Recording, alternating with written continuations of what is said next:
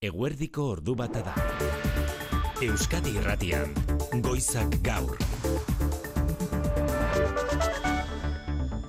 Arratsaldeon guztioi, lehen eguna eta jendetzaren irudia. Hori da ordu honetan Durangoko azokak erakusten diguna. Amarterdietan ireki ditu aurtengo edizioak ateak. Fantasia da lelopean. Musika, literatura eta ikusentzunezkoen fantasian murgiltzeko prest, milaka herritar dirantza. Mailu Odriozola landakon, jendearen beroa sumatzen duzue hor beraz, arratsaldeo Mailu. Arratsaldeon guztioi, bai, sumatzen da hemen eh, jendearen eh, beroa eta zuk esan da bezala jendetza gaur hemen landako gune honetako kaleetan era guztietako jendea ikusi dugu gainera goiz goizetik ateak zabaldu direnetik badaude familiak, jende heldua, gazteak asko eta asko eta sortzaileak ere bai hemen euren eh, produktuak euren sormen eh, lan horiek jendeari eskainiz. E, beraiekin jendearekin hitz egiteko aukera ere izan dugu entzun dezagun nondik etorri diren eta zertara. E, bueno, etorri gara deustutik, e, e, aixialdi tale batekin. Be, beti bezala, ba, kultura, kultura sustatzeko asmoz eta baita erosteko. Iruñatik. Bermiotik eta urtero urtero etorten gara beti, urte pilo bat, eh, atzeneko Santa Maria Elispetik eta asesinin, azoka. Urtero urtero etorten gara da, bueno, ba beti, ja, gauze barrizek ikusten, da, bueno,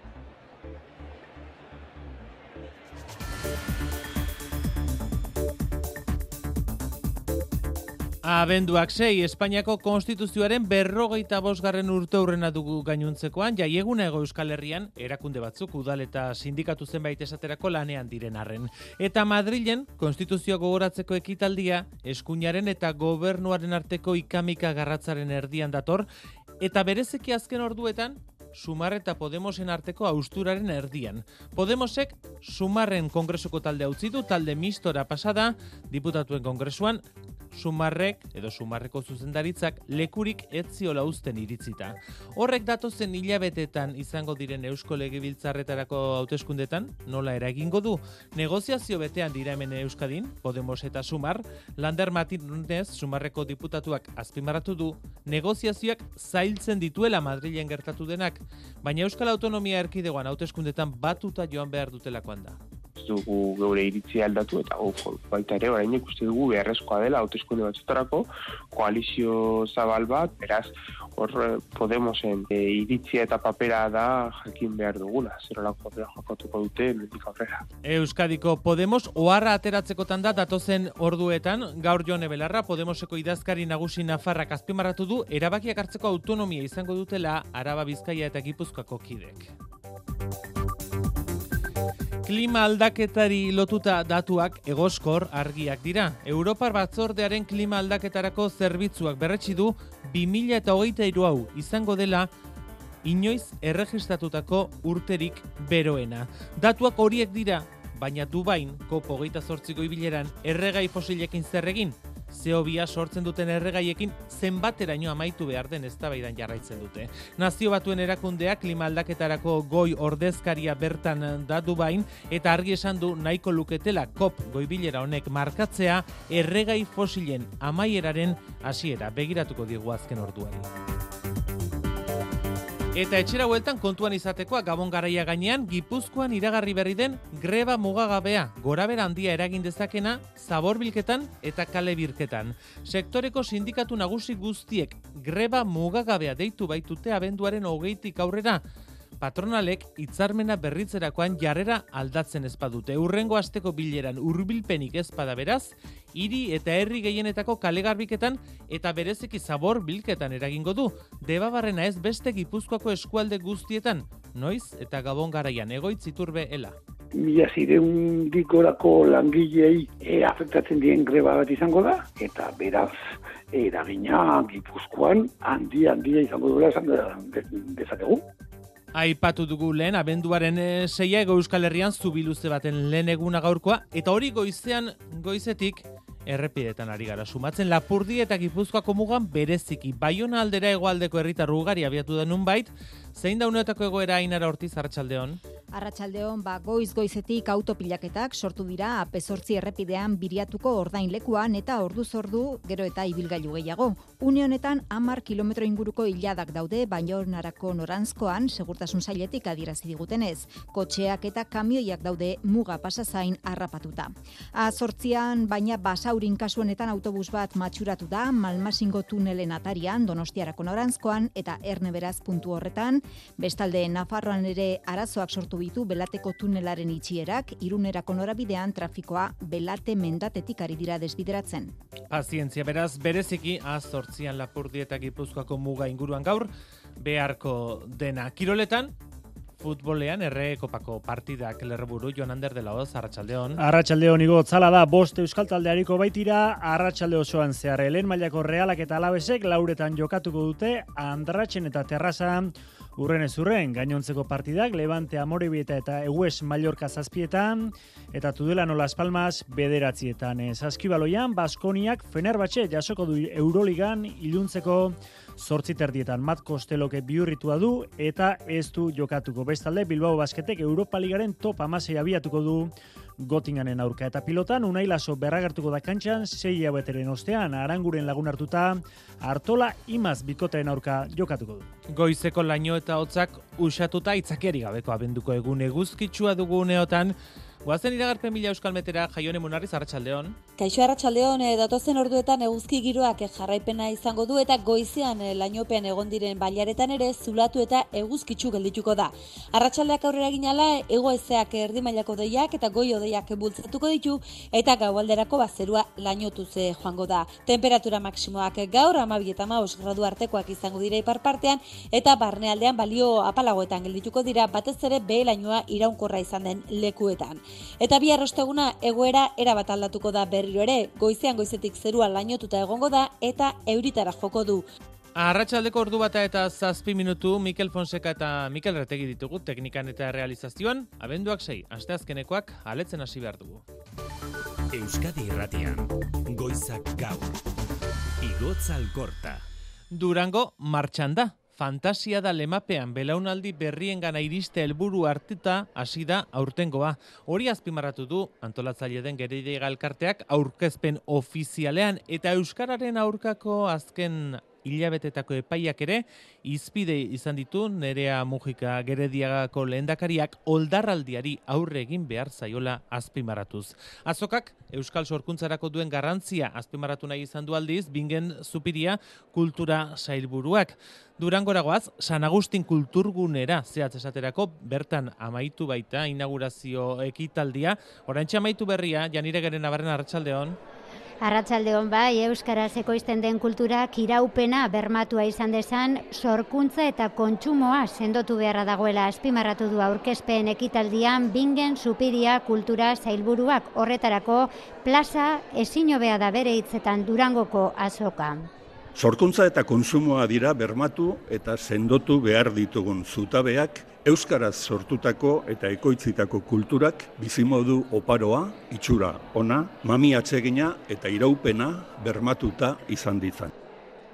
Nerea Mujika Gerediaga elkarteko presidentea gazteriari zuzendu saio asokak gazteak behar dituela esan du kulturaren transmisioa bermatu dadin hemendik mezu bat bidali nahi diet denei, gazteok. Zuena ere bada durangoko azoka, eta gurekin nahi zaituztegu. Euskararen aurkako oldarraldiaren aurrean gerediaga elkarteak euskal kulturari eusteko tinko lanean jarraituko duela ziurtatu du. Inaugurazioko kontuak horiek, baina jendea, oro harreta egia sanetzen inaugurazioari begira, liburu diska eta euskal kultura gozez amarterdietatik, landakora sartuta dira sarreran entzun bezala eguraldia ere lagun dela. Durango garrantzitsua da euskarazko kultur sisteman, ez da horretan dudarik eta garrantzitsua da bereziki euskal sortzaile, argitaletxe eta disketxentzat landakora ostera Mailo Odriozola lehen ordu hauetan eurekin sortzaileekin argitaletxe eta disketxetako ordezkariekin egon izan duzu. Bai, ara da jendea ez ezik, ba, bueno, bere direla komen protagonista ipatu duzun moduan, ez da, hau e, Euskal Kulturaren inguruan sortzen den bilgunea da, eta plaza oso oso garrantzitsua sortzaileentzat euskaraz sortzen dutenentzat. Liburuak eta diskoak e, aurkezten dira hemen etengabe jendearen aurrean eta sortzaileak landakora gerturatzen dira zale eta jarraitzaileekin egotera. Eta hartu eman horretan bete-betean harrapatu ditugu bi idazle, Jon Arretxe eta Jasone Osoro. Oso ondo, zoriontzu hemen irakurle artean eta ereingo lagunekin. Ja badira, hogeta hamar urte esango nukenik. Urtero natorrela eta gainera azken urteotan egunero bai. Goiztez eta ratzaldez, hemen egon behar da. Bueno, ba, goizien berez etorren nahiz, hemen e, idazlen elkarteak orden jarri du eta ere bere stand propioa eta, bueno, bakuku bat itxera, pixkate gotera, gero gaur egatxe aurkeztuko da orduan egon gani zorrezpenian, eta txalian ja, bueno, ba, elkarren e, nere liburua sinatzen, osea, egun luzea gaur, durangon. Bueno, egun luzea beste asorek beste askok ere izango dute. E, musikariak ere badira hemen, asko ikusi ditugu, eh? gaur lehenengo egun honetan. Jende hilara luzeekin pentsatuko duzuen moduan, ba ETS, Bulego edo eta Pello Rebaraz musikariak. Eta hemen jendearekin e, solasean, harrapatu ditugu beste batzuk ere tartean, e, korrontzi taldeko agus barandiaran, eta aiora renteria bera.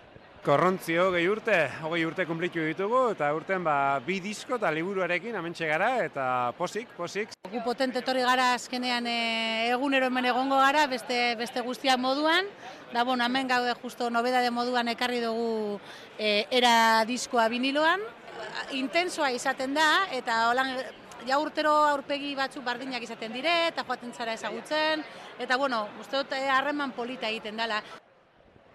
Beno, ba, giro gozoa eta giro epela hemen landako gune honetan kaleak eh, jendez beteta daude.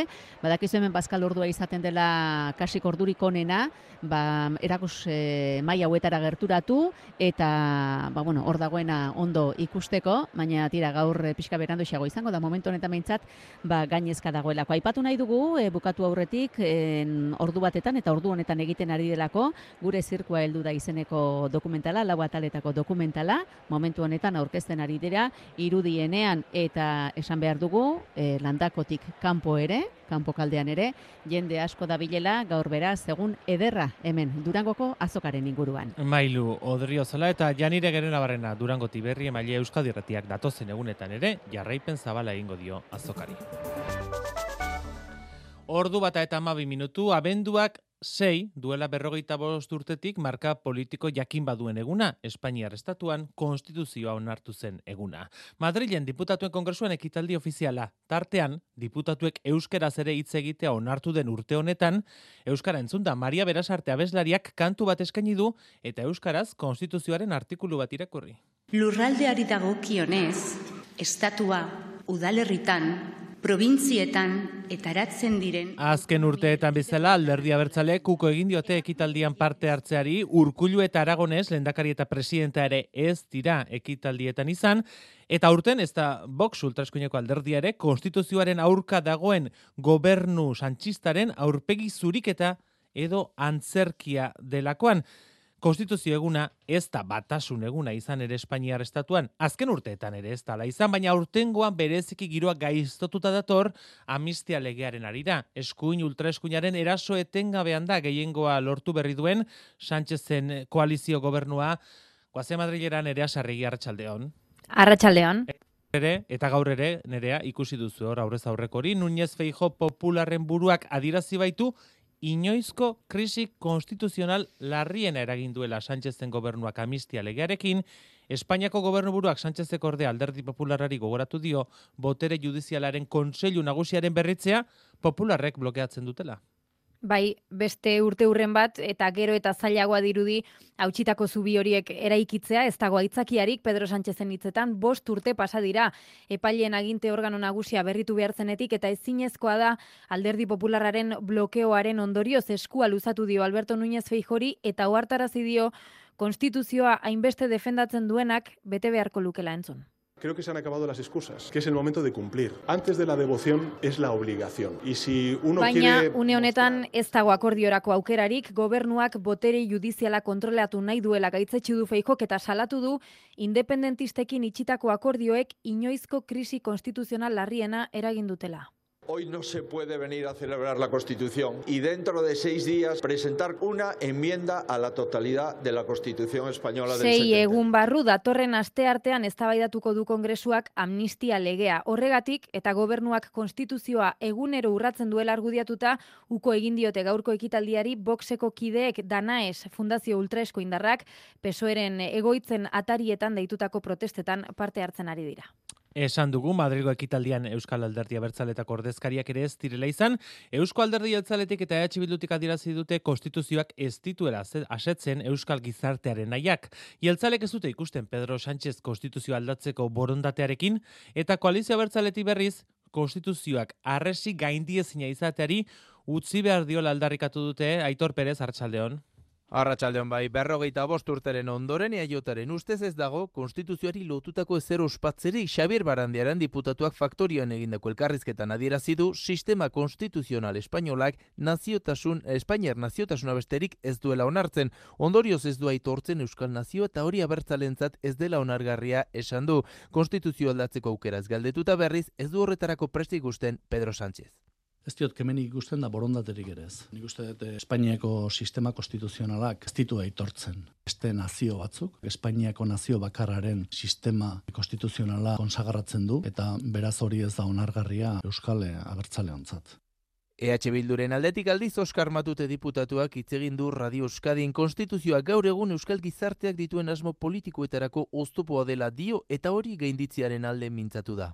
Pese a conceder grados de autogobierno a determinadas realidades, no eh, responde a... Autogobernua hainbat esparruetan zabaldu den arren ez dio erantzuten bere hitzetan Euskal Herriaren subiranotasunari ez baititu errespetatzen era demokratikoan arlitezken erabakiak. Horregatik Euskal Nazioak duen potentziala garatzeko formulak bilatzeko deia egin du. Azkenik alderdi abertzalez gain, gaurkoan Bilbon Javier de Andres Euskadiko alderdi popularraren presidenteak ekitaldi egin du eta bertan konstituzioaren aleak banatu ditu. Konstituzio egun honetan amnistia legearen eta naziotasunaren inguruko ez gain, azken ordukoan Podemos bihurtu da albiste. Podemosek hartu duen erabakia izango da gaur izpide nagusietako bat politikarien arteko izketaldietan. Sumar ustea erabaki zuen atzo arratsaldean Podemosek, talde mistora igaro daia da diputatuen kongresuan, koalizio egitea asko kosta zen, eta nerea ez du urte erdia ere iraun. Gaur eh, bi aldeak entzunari izan dituzu ezta? Bai, eta krisia gehiago ez elikatzeko aligina egin dute bi aldeek, erabaki zaila, baina ezinbestekoa izan dela esan du Jone Belarrak, eta aurrez aurrekoa ez puzteko ez di erantzun sumarretik egin dizkieten transfugismo akusazioei, azpimarratu du orain garai berri hasiko dela. Tomamos esta decisión, nos habría gustado no tener que tomar, pero no nos ha quedado otro remedio. Podemos ha pasado página, deja atrás Yolanda Diazek ere saiestu du gatazka areagotzea, lasaitasuna eskatu du eta arduraz jokatzeko deia egin die moreei argi izan behar da bere hitzetan aurkaria zein den. que cualquier persona que defienda el bien de nuestro país no se va a confundir de adversario. Sumarrek ez du uste eta ez da pesoek ere Podemos gai izango denik gobernuaren ekimenak arriskuan jartzeko eta beste akordioi begira Euskal Autonomia Erkidegoan Podemosek autonomia osoa emango dio alderdiari egoki jotzen dituen hauteskunde akordioak isteko. Nerea Sarrigi, Madrid, Milesker. Gero arte.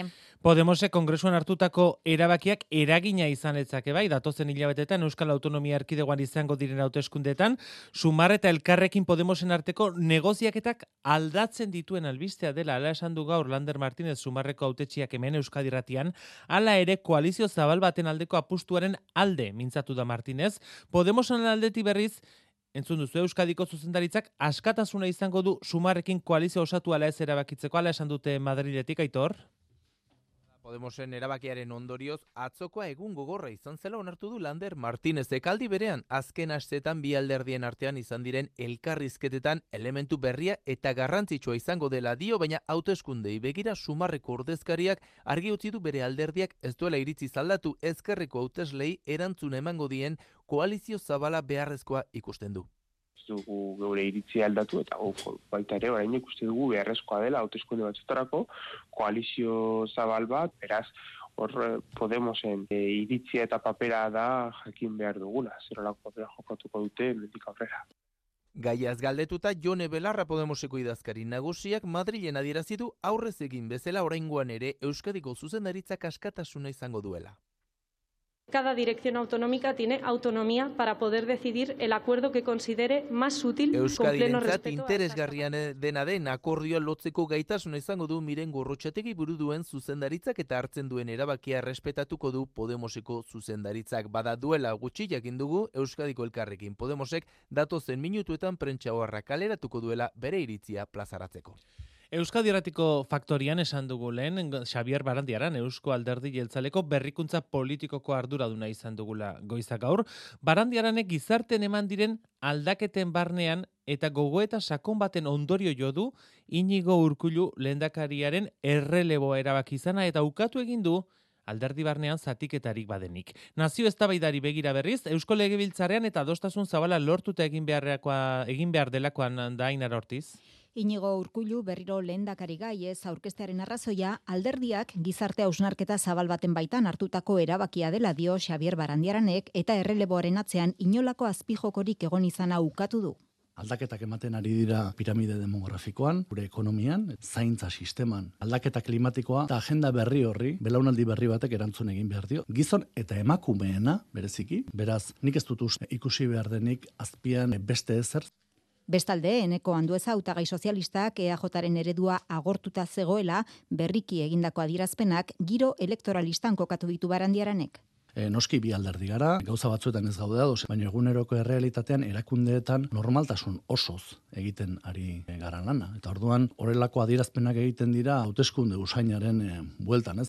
Naziogintza, etxean, gazteizen landu beharreko gaia ikusten du buruzagi jeltzaleak. Zalantzarik ez dago, Espainiako gobernuarekin hitz egin behar da, negoziatu behar da, baino soberaniaren iturria Euskal Erkidego Autonomoan Euskal Legebiltzarrean dago, eta horri utzi behar Madrilen berriz, Pedro Sánchezek Euskal Erkidegoarekin hitzartutako akordioak bete arazi, bete arazi bitzan, lan egingo dute jeltzaleek, ahaldela beste nazionalistekin elkarlana bilatuz. Guri dagokiogunean e, negoziak eta prozesu bat egin dugu. Herri ikuspegitik bereziki baigu, baina baita ere ezkerra bertzaleak eta Sánchezek herri honekin e, hitzartu dituen gauzak bete egin behar ditu. Euskal Autonomia Erkidegoan hauteskundetarako balizko data bati buruz galdetuta berriz Xavier Barandiaranek berretsi du erabaki hori hartzea lehendakariari soilik dagokiola. Gertuko hauteskundei begirari gara, baina sei hilabeteko atzera kontaketa hasi da gaur Europar Parlamentuko hauteskundetarako. Ekainaren seitik bederatzira egingo dira hauteskunde horiek Europan, gure kasuan Ipar eta Ego Euskal Herrian ekainaren bederatzian izango dira. Gaur bertan argitaratu den azken Eurobarometroaren arabera, herritarren euneko irurogeita zortziak emango du boto hauteskunde horietan Brusela, Maia, Portugal. Hori diote herritarrek bai, baina aitortuta ere euneko hogeita zortziak baino ez dakiela zehazki noiz diren hauteskunde horiek. Pasaden bostetan parte hartzeak ozta-ozta gainditu zuen euneko berrogeita marra. Bada, 2008 lauko ekainaren seian hasiko dira hauteskundeok erberetan eta bederatzian bukatu. Igande horretan dagokigu bozkatzea Euskal Herritarroi. Zazpireun da hogei eserleku izango dira jokoan guztira. Gaur egun baino amabos gehiago bina eserleku berri dagozkie Espainiar eta Frantziar estatuei. Eurobarometrora itzulita, euneko irurogeita mabiak uste du bere estatukidearen zat onuragarria dela Europar batasunean egotea. Herritarrek Europar parlamentuari zer eskatzen dioten, hori azpimarratu du Roberta Metzola presidenteak. Europeans have been asking the European Parliament to prioritize the fight against poverty and social exclusion. Euneko hogeita maseiak lehentasuna eman nahi dio pobreziaren aurkako borrokari, hogeita malauak osasun publikoari, eta hogeita bederatziak klima aldaketaren aurkako borrokari eta ekonomiari. Azpimarratzekoa ere, euneko berrogeita mairua dela Europar batasunaren zabalkundea bizkortzearen aldekoa.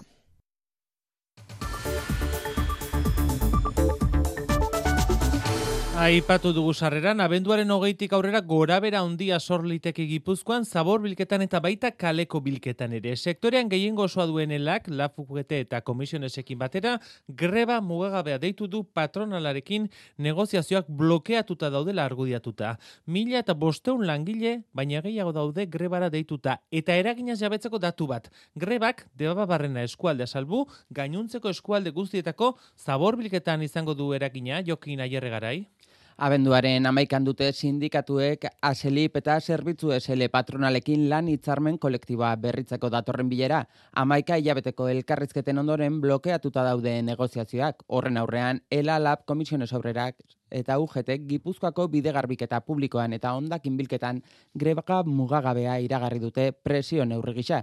Egoitziturbe ELA sindikatuko zerbitzu federazioko kideak Euskadi Irratiari egindako adierazpenetan grebaren eragin nabarmena aurreikusten du Gipuzkoako man komunitate ia guztietan eragina izango duen lan ustea. Deba eskualdean, bajo deba man komunitateari ez, bertako langileak, e, udal administrazioaren menpe dauden langileak dira.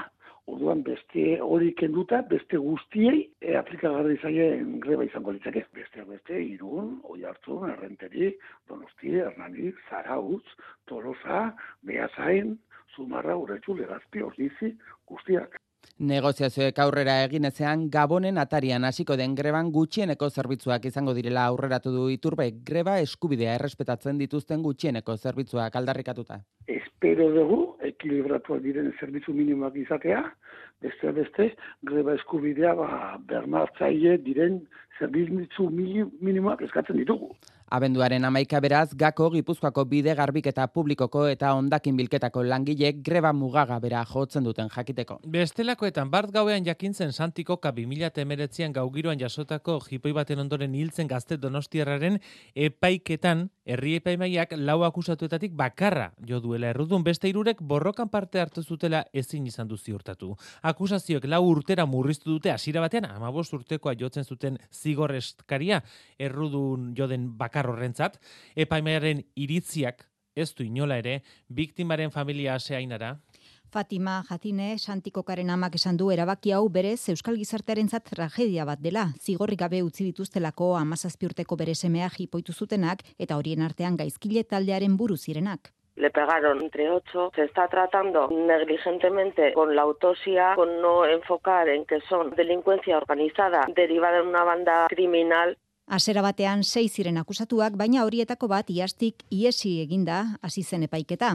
Ura izan da gainera lekuko gehienek jipoitzaile nagusitzat jodutena. Bestalde, prozesuan zehar beste bat aske utzi dute. Epaimaikideek errudun jodutenari zuhurtzia gabekeria larriaren ondoriozko homizidio delitua leporatu diote, baina gazte hau ez espetxeratzearen aldeko iritzia eman dute. Beste hiru akusatuentzat erasoan parte hartu zutela guztiz ziurtatzerik ez dagoela iritzita, absoluzioa erabak erabaki dute. Eduardo Ruiz de Erentxun koka zine familiaren abokatua ez dator bat, epaimaia kiritzitakoarekin, balorazio gazi gozoa egin du, balioan jarrita hori bai, gaztearen eriotza kolpeek eragindakoa izan zela, adirazi izana txostenak, izan ere gorpuare egindako lehen autopsiak ez zuen izaera traumatiko hori ziurtatu. Una sensación bastante agridulce. Por un lado, como aspecto positivo, se ha declarado que la muerte fue traumática a consecuencia de los golpes. Y dicho eso, bueno, pues la familia no comparte en absoluto el que sea un homicidio imprudente. Epaimaiaren iritzia entzun da, akusazioek aseran eskatzen zituzten amabostetik lau urtera murriztu dituzte espetxe zigorreskariak, orain epaileak erabaki beharko du, epaimaiaren txostenean oinarrituta zein zigor ezartzen dien lau epaituei. Gogoratu lezon igande goizaldera izandako istripu larriari lotuta, fidantzapeko espetxaldia agindu duela epaileak uste istripu eragin zuen hogeita bat urteko gaztearentzat jakin berri da alkohol frogan positibo eman zuela bildako izan ziren ez beharrean, neska batek oso oso larri jarraitzen du. Klima aldaketari lotuta, zientziak beste behin hartarazi du, Europar batzordearen klima aldaketarako zerbitzua berretsi du, 2000 eta hogeita irua izango dela inoiz erregistatutako urterik beroena, azarbak ere marka guztiak hau utzi dituela. Bada oartarazpen hori egin den egun berean Dubain, kopo geita sortzi klimaldaketaren goi bileran, erregai fosilen erabilera murrizteko edo ezabatzeko ez da betean jarraitzen dute. Nazio batuen erakundeak klimaldaketarako ordezkariak argi esan du goizak gaur, nahiko lukeela goi bilera hone markatzea erregai fosilen amaieraren hasiera inaki guridi. Asmo honekin bakarrik ez da ezer lortuko eta beharrezkoa da Simon Estielen esanetan ambizioa. The highest ambition COP Ambizioarekin eta gardentasunarekin jokatzeko eskari egin die nazio batuen erakondeko ordezkariak gobernuei berotegi efektua eragiten duten gasisuriak murrizteko eta horretarako erregai fosilen amaiera markatzeko. We need COP to deliver a bullet train to speed up climate action. Abiadura handiko trena behar dela klima ekintzarako eta ez orain bide galduetatik dabilen furgoizarra. Dagoeneko zirriborro baten gainean ari dira lanean kopo geita sortzian eta badela zerbait dio, baina momentuz postureo askoko desio zakua omen da zirriborro hori eta zehaztasuna behar dela. Eta ozenegi entzuten ez diren arren, goi bilera honetan badago protestarientzat atondutako txokoa ere. Kalean protestak debekatuta, areto zoko batean gaur ere aldarrikatu dute protestariek erregai fosilen erabilera amaidadila. Eta nazioartean jarraituz, Gaza hegoaldean Israelgo armadaren eta lur, jamasen arteko lurreko borrokek jarraitzen dute. Israelgo armadak hegoaldeko jan juni siriaren kontrola bereganatuta han inguruan ugaritu dira borrokak azken orduetan. Nazio batuen erakundeko giza eskubiden buruak Volker Turkek kezka dirazi du gizateriaren aurkako krimenak egiteko arrisku aregotu delako gazan, eta Israeli baita jamasi ere eta eurengan eragina duten estatuei eskaria egin die krimen horiek eragozteko, baina orduek aurrera aldaketarik ez gazan larria zen egoera gordintzen egunak aurrera joan ala. Ordu bata terdiak jo berri dira.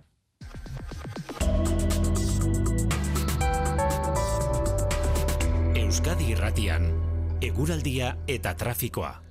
Eta errepidetan, esan dugu ainara, pazientzia handia behar dela berezeki azortzi autobidean lapurdi eta gipuzkoako mugan. Bai, eta egoera keztu onera egin, azken hogeita mar minutuetan, AP sortzi errepidean, biriatuko ordainlekuan, amar kilometro inguruko autopilaketak neurtu ditu oraintzu segurtasun zailak, baioranarako norantzkoan. Adi baita ere, azortzian basaurin, autobus batek matxura izan du, malmasingo tunelen atarian, donostiarako norantzkoan eta errei bat ostopatzen du. Eguraldiari dagokionez berriz, aitzakiarik gabeko giro eguzkitsua dugu, iragarpen hau egin digu Euskalmeten jaione munarrizek. Datozen orduetan eguzki giroak jarraipena izango du eta goizean eh, lainopean egon diren bailaretan ere zulatu eta eguzkitzu geldituko da. Arratsaldeak aurrera ginala ego ezeak erdi mailako deiak eta goi odeiak bultzatuko ditu eta gaualderako bazerua lainotu ze joango da. Temperatura maksimoak gaur 12 eta 15 gradu artekoak izango dira ipar partean eta barnealdean balio apalagoetan geldituko dira batez ere behe lainoa iraunkorra izan den lekuetan. Eta bi arrosteguna egoera erabat aldatuko da berriro ere goizean goizetik zerua lainotuta egongo da eta euritara joko du.